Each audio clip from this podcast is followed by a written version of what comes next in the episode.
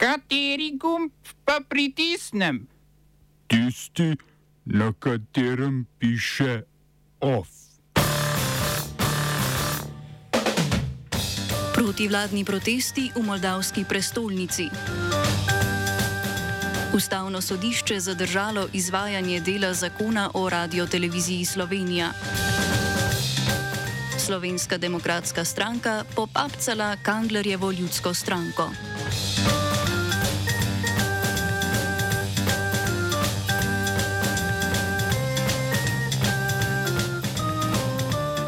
Moldavski prestolnici Kišinjev je več tisoč ljudi protestiralo proti vladi. Protestniki so od vlade zahtevali plačilo visokih stroškov ogrevanja. Poleg tega si protestniki želijo tudi odstop predsednice države Maje Sandu, ki pa ji očitajo neizpopolnjevanje predvolilnih obljub o zvišanju pokojnin in plač. Protest je organiziralo Gibanje za ljudi, ki so ga ustanovili člani opozicijske stranke Šur. Protestnike je nagovorila generalna sekretarka Šora Marina Tauber, ki je dejala, da je cilj protesta nasprotovanje vladi, ki po mnenju stranke v času gospodarske krize ne ravna primerno in ne podpora ruski intervenciji. Rusija je lani dobavo zemljskega plina v Moldavijo namreč prepolovila. Ker je ruski plin glavni energetski vir za državo, se Moldavija zaradi zmanjševanja dobave sooča z zvišanjem cen energentov. Za ogrevanje Moldavci v povprečju porabijo polovico svojih mesečnih prihodkov. Vlada je ustavno sodišče novembra pozvala naj stranko Šur razglasi za neustavno, saj naj bi se financirala nelegalno. Predsednica države Maja Sandu je po odstopu premijejke minuli teden in ob imenovanju nove vlade večkrat zatrdila, da Rusija v Moldaviji načrtuje državni udar, a dokazov za to ni predstavila.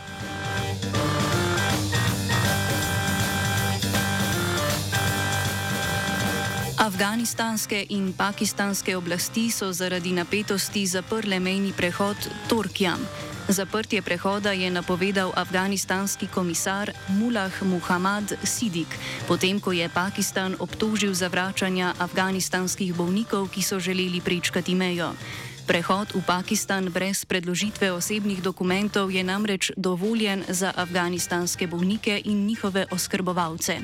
Predsednik pakistanske policije Khalid Khan je zaprtje prehoda potrdil. Pakistanska vlada pa je obtožb glede zavračanja, boli, pa obtožb glede zavračanja bolnikov ni komentirala. Kot razlog za zaprtje prehoda je Khan navedel obmejne spopade med državama, ki so se začeli danes zjutraj. Pakistanska talibanska skupina TTP je lanskega novembra prekinila premirje s pakistansko vlado. Torkijam je glavni mejni prehod med državama. Mejni prehod je Pakistan zaprl že avgusta 2021, potem ko so ga zasledili afganistanski talibani.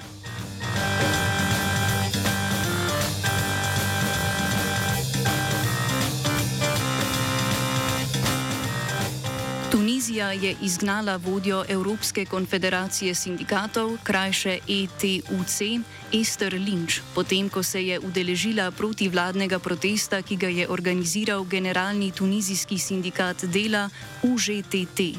Tunizijski predsednik Kais Sayed je Lynch razglasil za persono non grata in dejal, da mora irska državljanka državo zapustiti v 24 urah. Po mnenju Sajeda je udeležba linč na protestih poseg v tunizijsko politiko. Sobotnih protestov, ki so potekali v osmih tunizijskih mestih, se je udeležilo več tisoč članov sindikata UŽTT. Protestirali so proti Sajedovi politiki in ga obtožili, da skuša kršiti osnovne človekove pravice, tudi sindikalne pravice. Protestniki so poleg tega obsodili aretacije več kritikov Sajedove vlade, med katerimi so novinari, politiki, dva sodnika in visoki uradnik UŽTT Anis Kabi. Sajed je oblast prevzel leta 2021, od takrat pa državno ureditev spremenil tako, da ima v njej osrednjo vlogo na mesto parlamenta predsednik države, torej on sam. UŽTT v prihodnjih dneh napoveduje ponovne demonstracije, te bodo potekale v več mestih po državi, zaključile pa se bodo z zborovanjem v prestolnici Tunis v začetku prihodnjega meseca.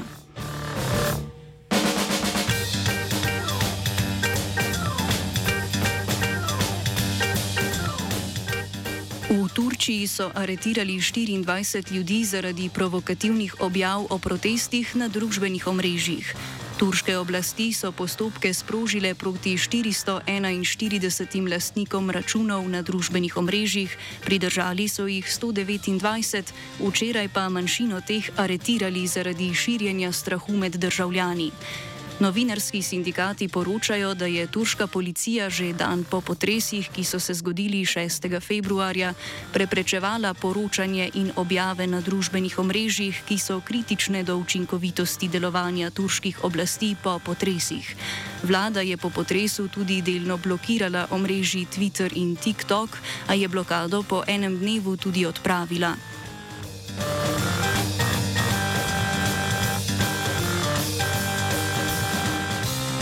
Nizozemska je izgnala 58 ruskih diplomatov, ki so delovali v državi in napovedala zaprtje ruskega trgovinskega predstavništva v Amsterdamu. Nizozemci zapirajo tudi svoj konzulat v Sankt Peterburgu. Kot trdi nizozemska vlada, Rusija nizozemskim diplomatom namreč ne želi podaljšati vizumov. Rusijo je nizozemski zunani minister Vopke Hukstra na Twitterju obtožil poskušanja nastavljanja vohunov pod krinko diplomacije. Ruskega veleposlaništva na nizozemskem ne bodo zaprli. Nizozemska je že februarja lani izgnala 17 ruskih diplomatov, v odgovor pa je Rusija izgnala 15 nizozemskih diplomatov. Smo se osamosvojili nismo se pa osvobodili. Naslednje število je še 500 projektov. Izpiljene modele, kako so se strani nekdanje LDS rotirali. Ko to dvoje zmešamo v pravilno zmes, dobimo zgodbo o uspehu.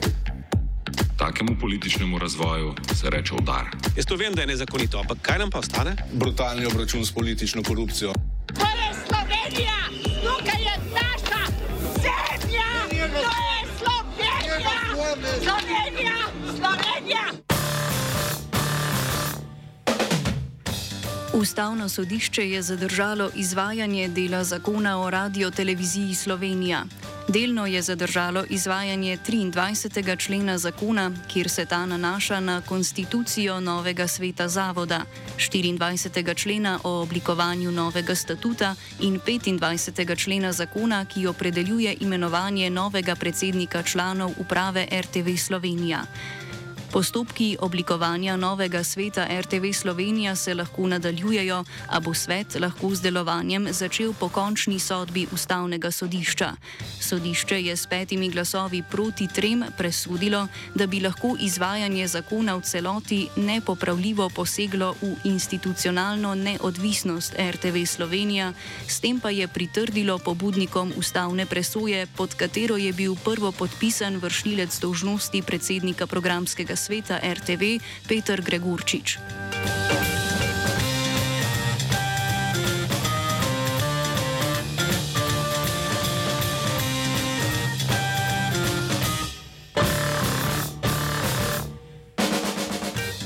Predsednik Slovenske demokratske stranke Janez Janša in predsednik Nove ljudske stranke Franz Kangler sta podpisala sporazum o pridružitvi Kanglerjeve stranke SDS-u. Po besedah Janše je združitev pomembna zlasti za krepitev položaja SDS-a v Mariboru in okolici. Franz Kangler sicer s priključitvijo stranke k SDS-u v stranki ni pridobil nobene funkcije, dejal pa je, da razmišlja o kandidaturi za predsednika mestnega sveta odbora SDS v Mariboru. Po združitvi s Kanglerjevo stranko bo imel SDS v Mariborskem mestnem svetu 12 svetnikov, kar je enako kot lista župana Saše Arsenoviča.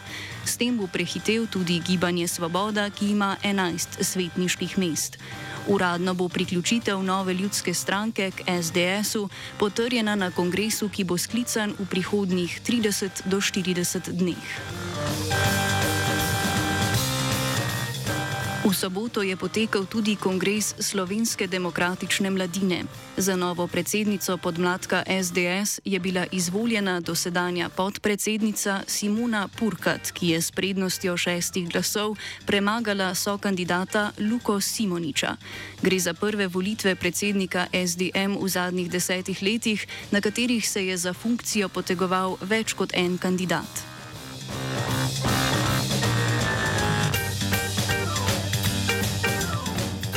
Volt je napovedal spremembe plačnega modela za dostavljalce. Plačilo za posamezno dostavo bodo po novem pogojevale vremenske razmere, dosegljivost lokacije, velikost paketa in zahtevnost opravljene poti. Dostavljavcem bo dostopna poenostavljena stran za prikaz celotnega plačila za njihovo delo. Prikazovala bo znesek osnovnega plačila za opravljeno dostavo v kombinaciji z dodatnim plačilom glede na novo vključene dejavnike plačila. Celotno plačilo za dostavo bo po novem dostavljavcem znano vnaprej. Razdalja poti, ki jo opravijo dostavljavci, bo sedaj izmerjena glede na ocenjeno razdaljo poti s pomočjo aplikacije OpenStreetMaps. Take meritve bodo nadomestile merjenje glede na zračno razdaljo.